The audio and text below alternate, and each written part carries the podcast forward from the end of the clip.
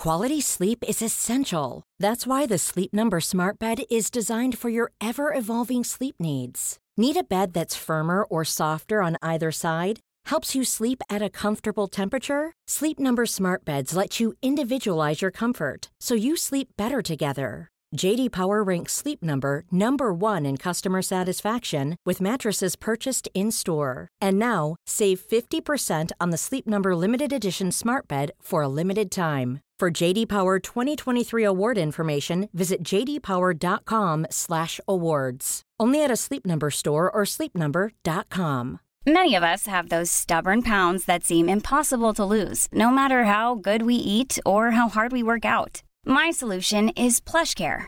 PlushCare is a leading telehealth provider with doctors who are there for you day and night to partner with you in your weight loss journey. They can prescribe FDA-approved weight loss medications like Wagovi and Zepbound for those who qualify. Plus, they accept most insurance plans. To get started, visit plushcare.com slash weight loss. That's plushcare.com slash weight loss.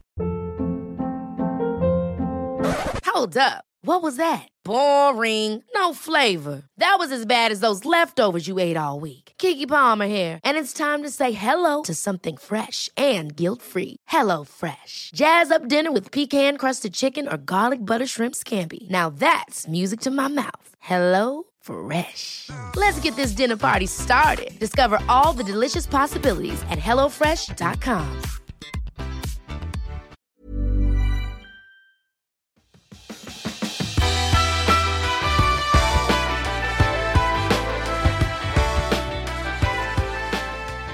Välkommen till Klimakteriepodden med mig, Åsa Melin. I det här avsnittet, nummer 28, så kan jag välkomna tillbaka professor Angelica Lindén Hirschberg, livmedikus och specialist i gynekologi och obstetrik som vi haft förmånen att höra i avsnitt 1 och 4. Den här gången så ska vi tala om varför det är så viktigt att fånga upp de kvinnor som kommer i klimakteriet före 40, det som man brukar kalla för tidigt klimakterium. Och om du är intresserad av bioidentiskt progesteron så får du veta att det är spännande saker på gång. Så välkommen att lyssna! Då önskar jag Angelica Lindén Hirschberg tillbaka till Klimakteriepodden. Mm, tack! Professor och överläkare i obstetrik och gynekologi här vid Karolinska institutet i Stockholm. Mm. Idag ska vi eh, prata om någonting som ligger dig varmt om hjärtat, det vill säga kvinnor som kommer i tidigt klimakterium. Mm, ja, det stämmer. Och där har ju du eh, eh, faktiskt gjort ganska mycket arbete och det är det du, förutom din forskning, som du lägger ganska mycket tid på, att följa de här unga kvinnorna. Mm.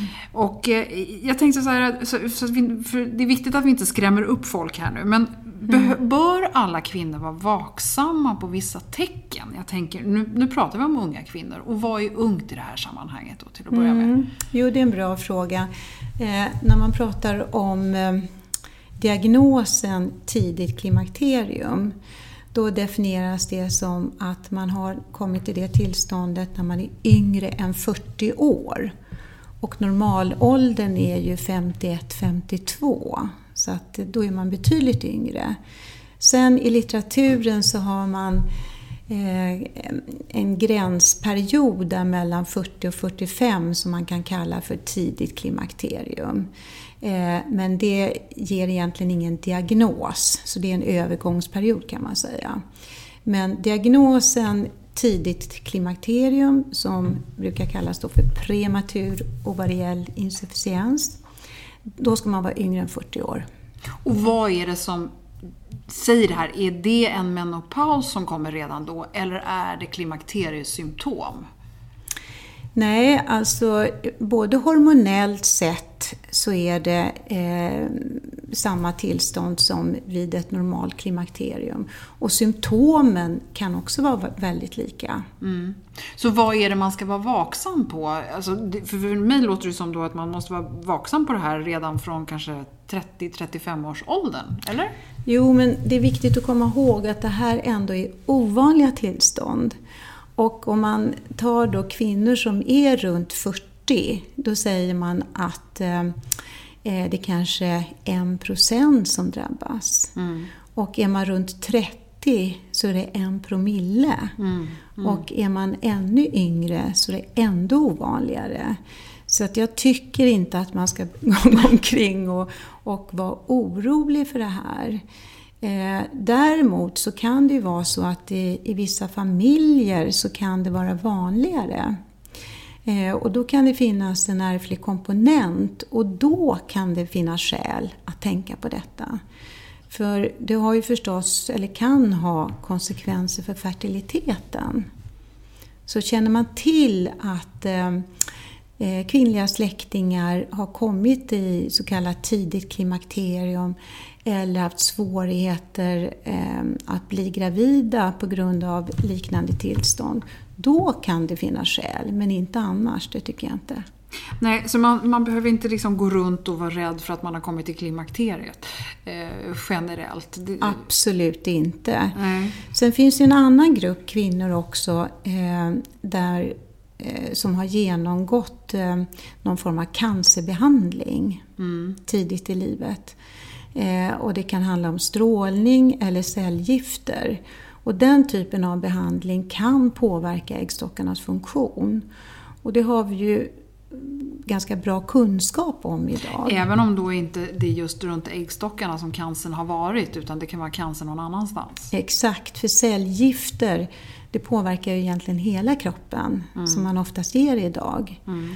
Och, eh, och strålning kan ibland vara lokal men ofta så kan det eh, också påverka hela kroppen. Och då finns det risk för att äggstockarna kan eh, ja, ta skada av det helt enkelt. Mm. Om man nu är en kvinna som upplever att man har någon form av klimakteriesymptom och det finns anledning att titta på det. Går man då till sin gynekolog och säger att jag misstänker att jag har kommit till klimakteriet trots att man då kanske är 40 eller så? Och sen så ska det då konstateras, eller hur, hur går man tillväga? Ja, det tycker jag låter rimligt. Ja, och vad gör då gynekologen? Ja, eh, jo, man, man, fastställer ju det här tillståndet eh, genom att eh, analysera hormoner i blodet. Eh, och eh, då är det framförallt ett hypofyshormon då, som kallas för FSH som stiger eh, när man kommer i klimakteriet det hormonet normalt sett försöker stimulera äggstockarna att producera hormoner. Och svarar inte äggstockarna, då stiger det här hormonet för att försöka eh, öka då äggstockarnas hormonproduktion mer. Mm. Eh, men eh, det kan ju räcka till en början men, sen så får det ingen effekt så att säga utan då har man kanske ett permanent tillstånd av att äggstockarna äggstockarnas aktivitet har ja, sjunkit. Och, och då ligger den här FSH-värdet det ligger kvar högt uppe. Även mm. om det, så att säga, den har gett upp att få igång äggstockarna så, så behåller den sig på ett högt värde. Ja, det stämmer. Mm. Ja, okay. eh, och symptomen är då egentligen de samma. Det är svettningar, vallningar eller man inte känner någonting eller mensen börjar hacka. Det kan vara precis det, det är samma symptom. Ja, har man haft menstruationer från början början och sen får det här eh, klimakterietillståndet tidigt, då är det faktiskt vanligt att man nästan får mer uttalade klimakteriesymptom okay. än normalt klimakterium inom citationstecken. Då. Eh, och, eh, så att de klassiska symptomen är ju svettningar, vallningar och sömnstörning. Mm. Och andra symptom som vi kanske inte riktigt förknippar med klimakterium, det kan ju vara en ökad stresskänslighet. Och just den här gruppen av kvinnor, de kan må väldigt, väldigt dåligt när de får de här symptomen. Eh, det känns som att motorn rusar och man inte riktigt klarar av att fungera helt enkelt. Och eh, det är kaos i hjärnan och eh, man har svårt att koncentrera sig. Eh, man klarar inte sina vanliga uppgifter på arbetet kanske på samma sätt som tidigare. Och då blir man ännu mer stressad. Mm. Och den första tolkningen är ju då att ja, men det här beror på att jag är så stressad som ingenting funkar. Och man tänker kanske inte så mycket på de fysiska symptomen. Eh, så att eh, det är inte ovanligt att eh, en kvinna först kan söka för att de helt enkelt känner sig stressade och, och mår dåligt allmänt och då kanske det inte är en gynekolog man går till i första hand utan någon annan doktor. Eller att man söker sig någon annanstans. Ja, och då är det väl lätt hänt att man kanske hamnar i den här valsen som vi har faktiskt tagit upp med Caroline Larsén som är allmänläkare i ett annat eh, avsnitt när vi pratade då om det här att man lätt kanske hamnar på SSRI-preparat, alltså sömn, eh, mm. depressions och sömnmedel och så vidare. Mm. Och det, det, det, kan ju inte lösa problemen antar jag. Nej, och, och då kan man tro att det här mer handlar kanske om utmattningssyndrom och utbrändhet och gå in i väggen, alla de här olika uttrycken. Eh, och, och, att man glömmer att det kan finnas en fysiologisk eh, orsak bakom det hela. Mm. Men med hjälp av det här FSH-värdet, ett blodprov, så kan man då hamna rätt? Om jag förstår det. Ja, alltså med en enkel hormonutredning så kan man ju påvisa det här väldigt lätt. Mm. Mm. Och, och vad, vad, gör man då? då? Ja, då är det ju viktigt att utreda vidare för att eh, drabbas man av detta eh, vid en ålder yngre än 40, då är det ju inte ett normaltillstånd. Eh, och då är det jätteviktigt att eh, försöka ta reda på bakomliggande orsak. Och eh, dels så kan det finnas eh, ärftliga saker eller orsaker och eh, det kan handla om eh, kromosomer vi vet att ehm, för att äggstockarna ska fungera normalt eh, så krävs två normala X-kromosomer. Eh, alltså i normalfallet så har ju kvinnor då två, eh, två X-kromosomer och män har ett X och ett Y. Och det kan vara så att, att bara en liten del av ena X-kromosomen kan vara skadad på något sätt. Så kan det påverka äggstockarnas Eh, funktion. Eh, men det kan också finnas andra förändringar. Det finns eh, ett eh, tillstånd som heter Turners syndrom som betyder att eh, man saknar ett X. Så att flera av kroppens celler har bara ett X istället för två X. Men, och det här har man inte märkt av tidigare utan man har kanske kommit upp puberteten som vanligt och menstruerat som vanligt och det visar sig först då när man är äldre, alltså 35-40 eller så? Det kan vara så. Det mm. kan vara så. Eh, men tyvärr är det så att eh, om vi tar nu hela den här gruppen som kommer i tidigt klimakterium så är det en ganska liten andel som vi kan säga att det här beror på det här. Mm. Att vi vet orsaken. Eh, förutom det här eh, ärftliga och med kromosomer Eh, så kan det också finnas eh, ett samband till vad vi kallar för autoimmuna tillstånd. Och det är ju när kroppen bildar så kallade antikroppar. Ämnen som ger upphov till inflammation i olika körtlar i kroppen. Och då, då kan det vara så att eh, man har rubbningar i flera olika körtlar, till exempel sköldkörteln som är det vanligaste då.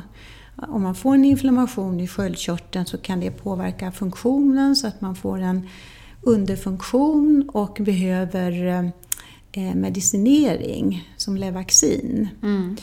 Eh, och har man ett sådant tillstånd då vet vi att det finns eh, ett samband till att även äggstockarna kan påverkas. Eh, och det kan också finnas samband eh, med rubbningar i andra körtlar till exempel eh, binjurarna eh, som kan leda till ett eh, allvarligt sjukdomstillstånd som heter Addisons sjukdom. Men också till typ 1-diabetes som drabbar ju då bukspottkörteln och så vidare. Så att eh, det är viktigt att man försöker utreda om man kan komma fram till någon bakomliggande orsak. Eh, men tyvärr så är det inte alltid vi kan hitta det. Och ibland så kan en bakomliggande orsak vara betydelse också för andra familjemedlemmar. Om man kan påvisa någon form av ärftlighet till exempel. Mm. Eh, så att vi, vi försöker att driva diagnostiken så långt det går. Ja, för om jag nu förstår vad du säger rätt så är det så att det gäller inte bara att behandla det här med någon form av så att patienten hamnar i välmående utan den här utredningen är ganska viktig. Mm. Så hamnar man i det här så ska man verkligen eh, ja, se till att få det. Men hur långt då? Vad räknas som tidigt? Är, finns det någon gräns där man säger att det här är normalt, då behöver vi inte utreda för du är 45 eller du är 48? Eller, alltså finns det någon sån gräns när ni inte längre tycker att det finns någon anledning att utreda bakomliggande faktorer? Mm. Ja, det är ju en bra fråga, men, men är man yngre än 40 då mm. ska man alltid genomgå någon form av utredning. Mm. Eh, och det som ingår då på alla är till exempel en kromosomanalys. Eh, men ofta så utreder vi det här med antikroppar och kanske också andra ärftliga faktorer. Är man äldre än så, då är det ju mer individuellt tycker jag. Och det är en gränszon där mellan 40 och 45.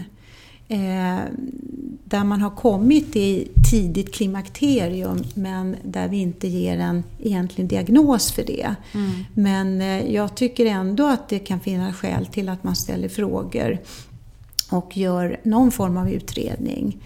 Men det får vara mer på individuell basis. Då, då. Mm. Och om man nu kommer fram till, eller man, vi säger att man inte kommer fram till någon underliggande eh, uppenbar faktor. Mm. Hur, hur behandlar man då? Är det som, behandlar man som ett vanligt klimakterium då? Behöver kvinnan i fråga mm. ha någon medicinering? Eller hon kanske inte behöver det, eller? Ja, alltså det viktigaste är att man får en ersättning för den hormonbrist man har. För att äggstockarna de producerar ju normalt könshormoner. Eh, både kvinnliga och manliga könshormoner. Och normalt då så har man ju en, en ja, ganska man kan säga, kraftig hormonpåverkan upp till 50-årsåldern. Sen så minskar ju den eh, efter klimakteriet och med åldern. Men fram till 50-årsåldern så ska man ju ha den här hormonpåverkan. Eh, och, eh, och skulle vi inte ge ersättning till de här kvinnorna då vet vi att det finns stora risker för komplikationer på lång sikt. Eh, man, eller enkelt kan man säga så att dels så, eh, så ger vi då hormonersättning för att behandla de här eh, klassiska klimakteriesymptomen som ofta är mer uttalade än vid ett normalt klimakterium. Det är ett skäl. Det andra skälet är att förebygga mot eh, långtidskomplikationer. Då. Och då kan man fråga vad är det för komplikationer? Jo, då vet vi att skulle vi inte ge till exempel östrogenersättning eh, så har de här kvinnorna en klart ökad risk att utveckla benskörhet, osteoporos.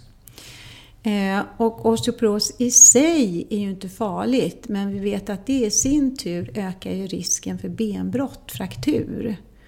Eh, och det kan ju eh, vara väldigt invalidiserande på olika sätt. Eh, så det är en komplikation, det här med benmassa. En annan är en ökad risk vid kärlsjukdom. Att man faktiskt har en flerfaldigt ökad risk för det. Och också ökad risk att dö i hjärt-kärlsjukdom. Att man dör i förtid, finns det flera studier som har visat. Och det tredje som vi har fått mer kunskap om på senare år, det är en kognitiv påverkan. Att man har visat att kvinnor som inte får hormonersättning och som har det här tillståndet då, de har en ökad risk att utveckla demens. Eh, och, eh, och det tycker jag är en minst lika oroande och allvarlig komplikation som de andra som jag nämnde. Mm. Mm. Eh, så att hormonersättning det rekommenderas enligt alla riktlinjer, både nationellt och internationellt, fram till normal klimakterieålder, alltså cirka 52 mm. års ålder. Och då när man är 52, väljer man sen hur man ska göra vidare eller hur rekommenderas det då? Ja, då är det ju mer en individuell bedömning. Eh, så där så måste ju doktor och patient diskutera för och nackdelar för den enskilda individen. Och eh, som vi ser på det idag så är det ju inte så att man eh, behöver eh, avbryta medicineringen pang bom just för att man fyller 52. Utan det, det är beroende på många olika faktorer att man kanske fortsätter men att man minskar dosen och successivt då eh, trappar ut medicineringen. Eh, men en vanlig fråga från eh, patienter med det här tillståndet det är ju risken för bröstcancer. Life is full of what ifs. Some awesome. Like what if AI could fold your laundry? And some, well, less awesome. Like what if you have unexpected medical costs? United Healthcare can help get you covered with Health Protector Guard fixed indemnity insurance plans they supplement your primary plan to help you manage out of pocket costs. No deductibles, no enrollment periods, and especially no more what ifs. Visit uh1.com to find the Health Protector Guard plan for you. Ever catch yourself eating the same flavorless dinner three days in a row?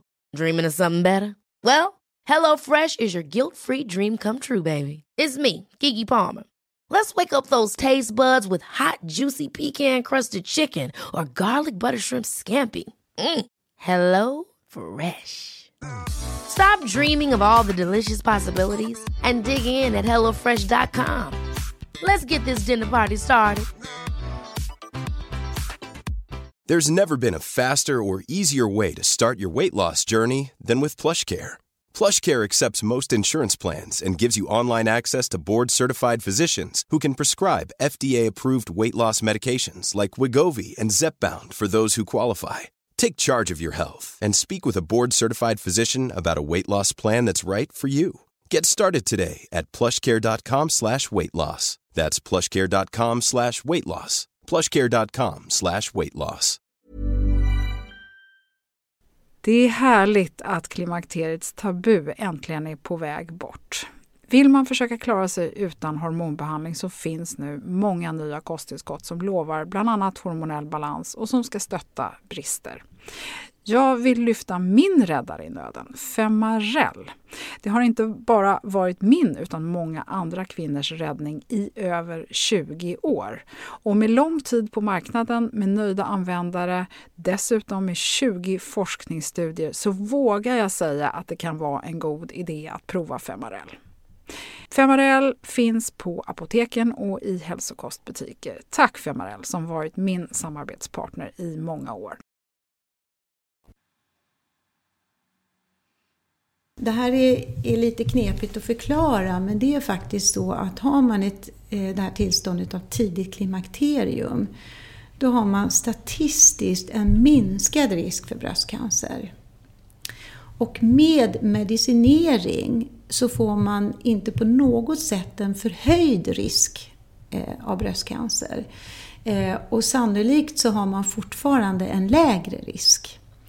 Och, och, det är en ganska stor pedagogisk utmaning att försöka förklara för patienter att det är väldigt stor skillnad på risker med hormonbehandling om man börjar från och med eh, normalt klimakterium eller om man börjar betydligt tidigare därför att man råkar ha kommit i det här tillståndet då i en onormalt låg ålder. Men frågan kommer ju då, då, då får det ju låta som att bröstcancer är en fara om man tar hormonbehandling efter 52. Och det är inte det du menar, tror jag. Nej, fast vi vet ju att, att om man från normal klimakterieålder fortsätter med eh, kombinerad hormonbehandling under längre tid så finns det en liten riskökning. Mm med den kombinerade behandlingen östrogen och eh, syntetisk gulkroppshormon. Det vet vi. Mm. Men, men, jag tänker, det är inte så att man har förbrukat sin, sin do, livsdos om man har kommit till tidigt klimakterium. Utan när man är 52, då börjar man från noll oavsett om man kommit tidigt eller inte. Kan man tänka så? Ja, det, ja, det kan jag hålla med om. Så skulle man kunna tänka. Mm. Men man har kommit till tidigt klimakterium, betyder det mm. att man oftast har symptom under en längre period än man har om man kommer i klimakterium när man är, låt säga att 52 är nu eh, snittåldern. Mm. Mm. Är, är det vanligare att man som patient som kommer i tidigt har symptom då kanske i besvärliga symptom då under en längre period än en kvinna som kommer hamnar i det vid 52. Mm, det, det, är mycket sannolikt. Nu är det ju så eftersom man oftast då har mer uttalade symptom så söker man ju för det. Mm. Eh, och får förhoppningsvis någon hjälp. Mm. Eh, men det är inte sällan som det har varit så då att man har börjat med hormonmedicinering, mått bättre, men sen att man har slutat kanske efter fem år fast man fortfarande är bara 40 mm. och egentligen borde ha fortsatt betydligt längre. Mm. Och då kommer ju symptomen tillbaka. Mm. Ja, jag förstår. Men, och då tycker jag här också att det är kanske på sin plats att säga att det finns ju nya direktiv också med hormonbehandling. Kan du inte kort berätta vad, vad som har hänt här den sista tiden? Precis, för att eh, eh, sen mer än tio år tillbaka så har vi levt med eh, rekommendation om att eh, hormonbehandling helst inte ska pågå längre än fem år. Och just den där femårsgränsen kommer eh, från den här stora Women's Health Initiative Study. Alltså en stor amerikansk studie som visade då på en liten ökad risk för bröstcancer efter eh, mer än fem års medicinering med kombinationen östrogen och syntetisk gulkroppshormon. Och här kan man gå tillbaka till avsnitt 4b och lyssna på Angelica när hon beskriver hela den här eh, undersökningen. Mm. Sen efter att den studien publicerades, och det var redan 2002 faktiskt, så har det kommit långtidsuppföljningar. Eh, av samma material, av samma kvinnor. Och eh, som har visat då att eh, den här risken kvarstår ju inte. Och man har också sett eh, stor skillnad eh, på bröstcancerrisk mellan den gruppen kvinnor som fick kombinationen östrogen och gulkroppshormon och de som fick enbart östrogen. Eh, och i den gruppen eh, av kvinnor som då inte har någon livmoder som har opererat bort livmodern så såg man ju eh, snarare en skyddseffekt av östrogen när det gäller bröstcancer. Så att det här är, det är ganska komplicerade eh, ja, förhållanden och faktorer. Mm. Och, eh, men där kvinnans ålder eh, och hormonella tillstånd spelar väldigt stor roll för eh, den här risk profilen. Mm. Men det som då är, eh, har tidigare varit en riktlinje har ju varit att man, om man nu väljer att ta någon form av hormonbehandling så ska man inte hålla på med det i så mycket längre än fem år. Men mm. den är ju då reviderad så vitt jag förstår. Mm. Den är reviderad på grund av att vi har nu fått mer data och resultat från de här långtidsuppföljningarna. Mm. Och, eh, som visar att, att eh, risker med bland annat då bröstcancer avtar och att det är andra fördelar som eh, överväger så att säga. Mm. Eh, så därför är det väldigt viktigt att eh, ha en individuell bedömning och kunna diskutera det här med sin doktor när det gäller eh, individens eh, enskilda för och nackdelar. Mm.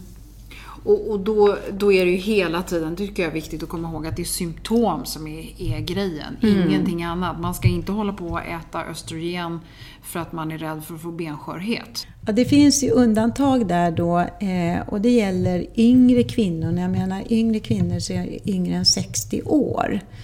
Eh, kvinnor som har en ökad risk för benskörhet eller som redan har en påvisad benskörhet där rekommenderas även idag att östrogen kan eh, vara en av behandlingarna. Eh, men att man inte ska fortsätta hur länge som helst. Mm. Men till exempel upp till 60-årsåldern. Mm. Mm. Okay. Eh, jag tycker att vi har väl lyckats förklara det här ganska bra. Men det kan ju ändå vara så att det är någon som, som blir lite nervös av det här eh, snacket med tidigt och hur farligt mm. det är. Och sen så just som du säger, det kan ju finnas då personer som inte av olika skäl kan ta en hormonbehandling. Om man nu är i tidigt klimakterium, har hamnat mm. där och inte kan eller vill ta hormoner eh, eller hormonersättning av något skäl. Vad mm. finns det då för alternativ? Mm.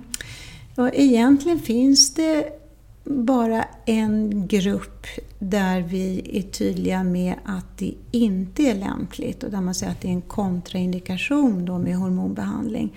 Och det är ju patienter som har genomgått eh, behandling för bröstcancer.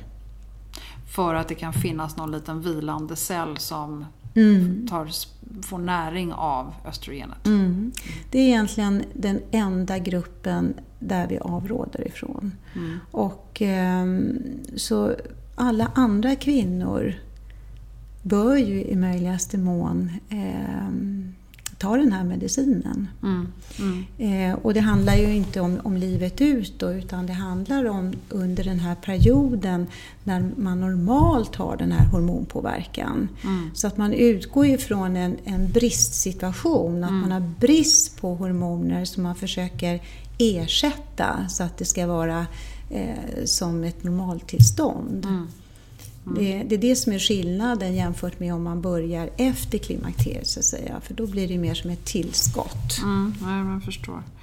Eh, jag tänker också så här att det, när man pratar om den här hormonbehandlingen sen från 52 års ålder. Är det då så att man ska tänka precis... Eh, nu, nu, sa du att det finns ju många fördelar med att ta hormonbehandling då, eh, och, och också viktigt för den här yngre gruppen. Men när man mm. då är lite äldre, då är det inte lika viktigt längre.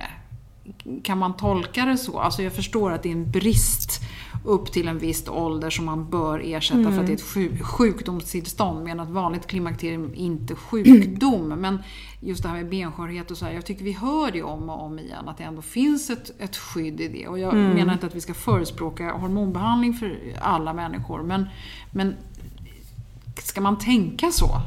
Ja, förenklat tycker jag man kan tänka så här att för de yngre kvinnorna då finns det två huvudskäl till varför vi rekommenderar medicinering. Dels för att behandla symptomen men också för att motverka de här komplikationerna på sikt som jag nämnde. Alltså risken för benskörhet, för hjärt-kärlsjukdom och demensutveckling. Mm. Men för kvinnor som kommer i ett normalt klimakterium, där är ju eh, huvudorsaken att behandla klimakteriesymptomen och inte som förebyggande medicinering. Mm. Men ibland så kan det vara både och. Mm. Jag menar, man kan ha klimakteriesymptom men samtidigt veta att man har låg benmassa. Så det kan ju finnas flera skäl för en enskild kvinna till att man vill ha medicinering och, och där man tycker då att, att fördelarna överväger. Mm. Okej. Okay. Eh, vad bra. Så jag tycker att det som har hänt sen vi såg sist, det är ju då att de här rekommendationerna har blivit lite förändrade. Så mm. det, har ju, det händer ju ändå någonting på området. Ja, jo det är positivt. Ja, och sen mm. vet jag att du också är väldigt eh, entusiastisk över en ny studie som ni håller på och planerar nu. Så att det mm. händer ändå saker, det står inte still på det här Nej. området. Kan du inte bara kort eh, berätta vad, vad, vad det är du hoppas på att kunna få genomföra för studie? Mm. Jo, det är ju en ganska stor diskussion om så kallade kallat naturligt progesteron. Eh, och det är lite förgrepps... Eh, ja, eller begrepps... Bioidentiskt säger Ja, precis. Det här med, med begreppet bioidentiska hormoner. Och man kan säga att i Sverige har vi ju tillgång till naturligt östrogen. Det, det har vi i flera produkter. Eh, men inte lika lätt tillgång till naturligt progesteron. Eh, och, eh, men, men det används mer i eh, andra länder, både i Europa och andra ställen på jorden. Eh, och eh, vissa studier antyder ju då att naturligt progesteron eh, skulle ha mindre påverkan på bröstet. Men samtidigt så kan vi inte säga att, frikänna att det inte har någon inverkan på bröstet. Eh, men en mild, möjligen en mildare effekt. Eh, och det är också kvinnor som tycker att de mår bättre när de får det här naturligt progesteron. Och vi vet att eh, syntetiskt progesteron ibland kan framkalla humörbiverkningar och så. Så det vi idag använder mest i Sverige det är ju kombinationen naturligt östrogen och syntetiskt progesteron.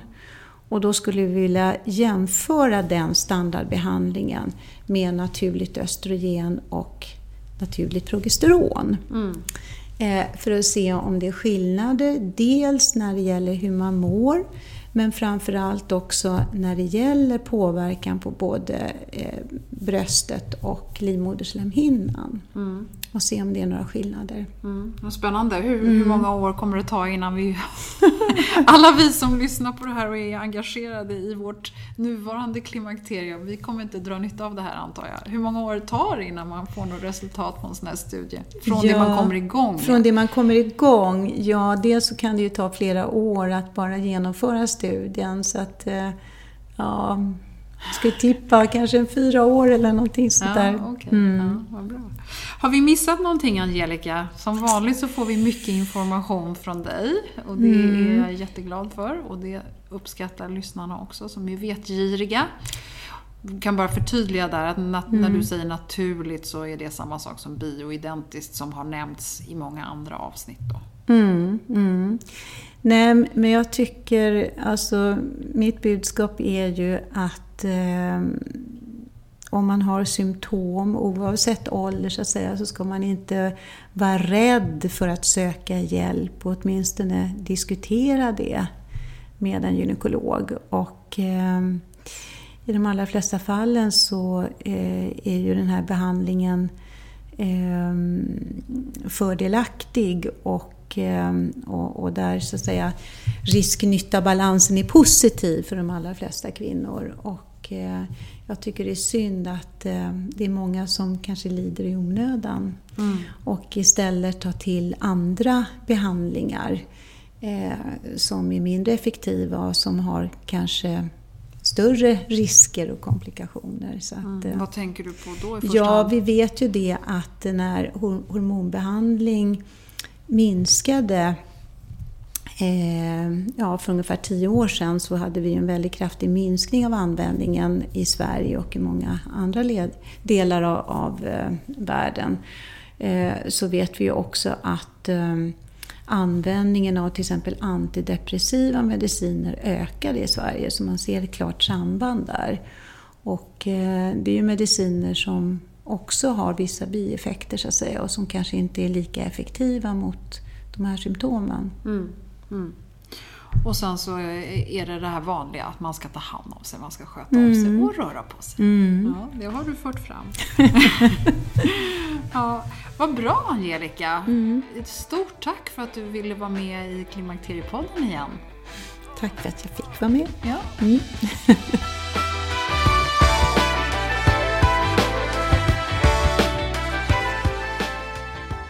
Jag är verkligen glad för att Angelica har varit med i podden här igen. Så mycket kunskap som är spännande att få ta del av. Och om du har frågor som inte besvaras så är du hjärtligt välkommen att höra av dig på infoklimakteriepodden.se så ska jag se till att det kommer upp i ett kommande lyssnarfrågeavsnitt. Och på Klimakteriepoddens Facebook-sida så finns det den här gången en länk till Svensk förening för obstetrik och gynekologi som Angelica har rekommenderat. Så kika in på Facebook-sidan om du är nyfiken på det. I nästa avsnitt så är det dags att tala om vikt. Denna ständigt återkommande fråga som många kämpar med. Många gillar inte att tänka på det överhuvudtaget. Men Kristina Andersson hon gästar podden och hon har mycket kloka tankar. Och hon är bland annat näringsfysiolog och så har hon skrivit många böcker om kost. Och hennes filosofi är det finns inga måsten och förbud, du bestämmer. Så det är en bra utgångspunkt tycker jag. Men jag kommer i alla fall fråga varför det blir svårare att hålla vikten med åren och varför sammanfaller ofta viktökning med övergångsåldern? Och är det så att anledningen kan vara att man helt enkelt äter för lite? Det blir ett spännande avsnitt som jag hoppas att du vill vara med och lyssna på. Och under tiden så kommer du i kontakt med mig, Åsa Melin, på info.klimakteriepodden.se. Och som vanligt så blir jag glad om du rekommenderar podden för någon. Och i iTunes så får du jättegärna lämna ett litet betyg. Tack för att du har lyssnat och välkommen snart igen.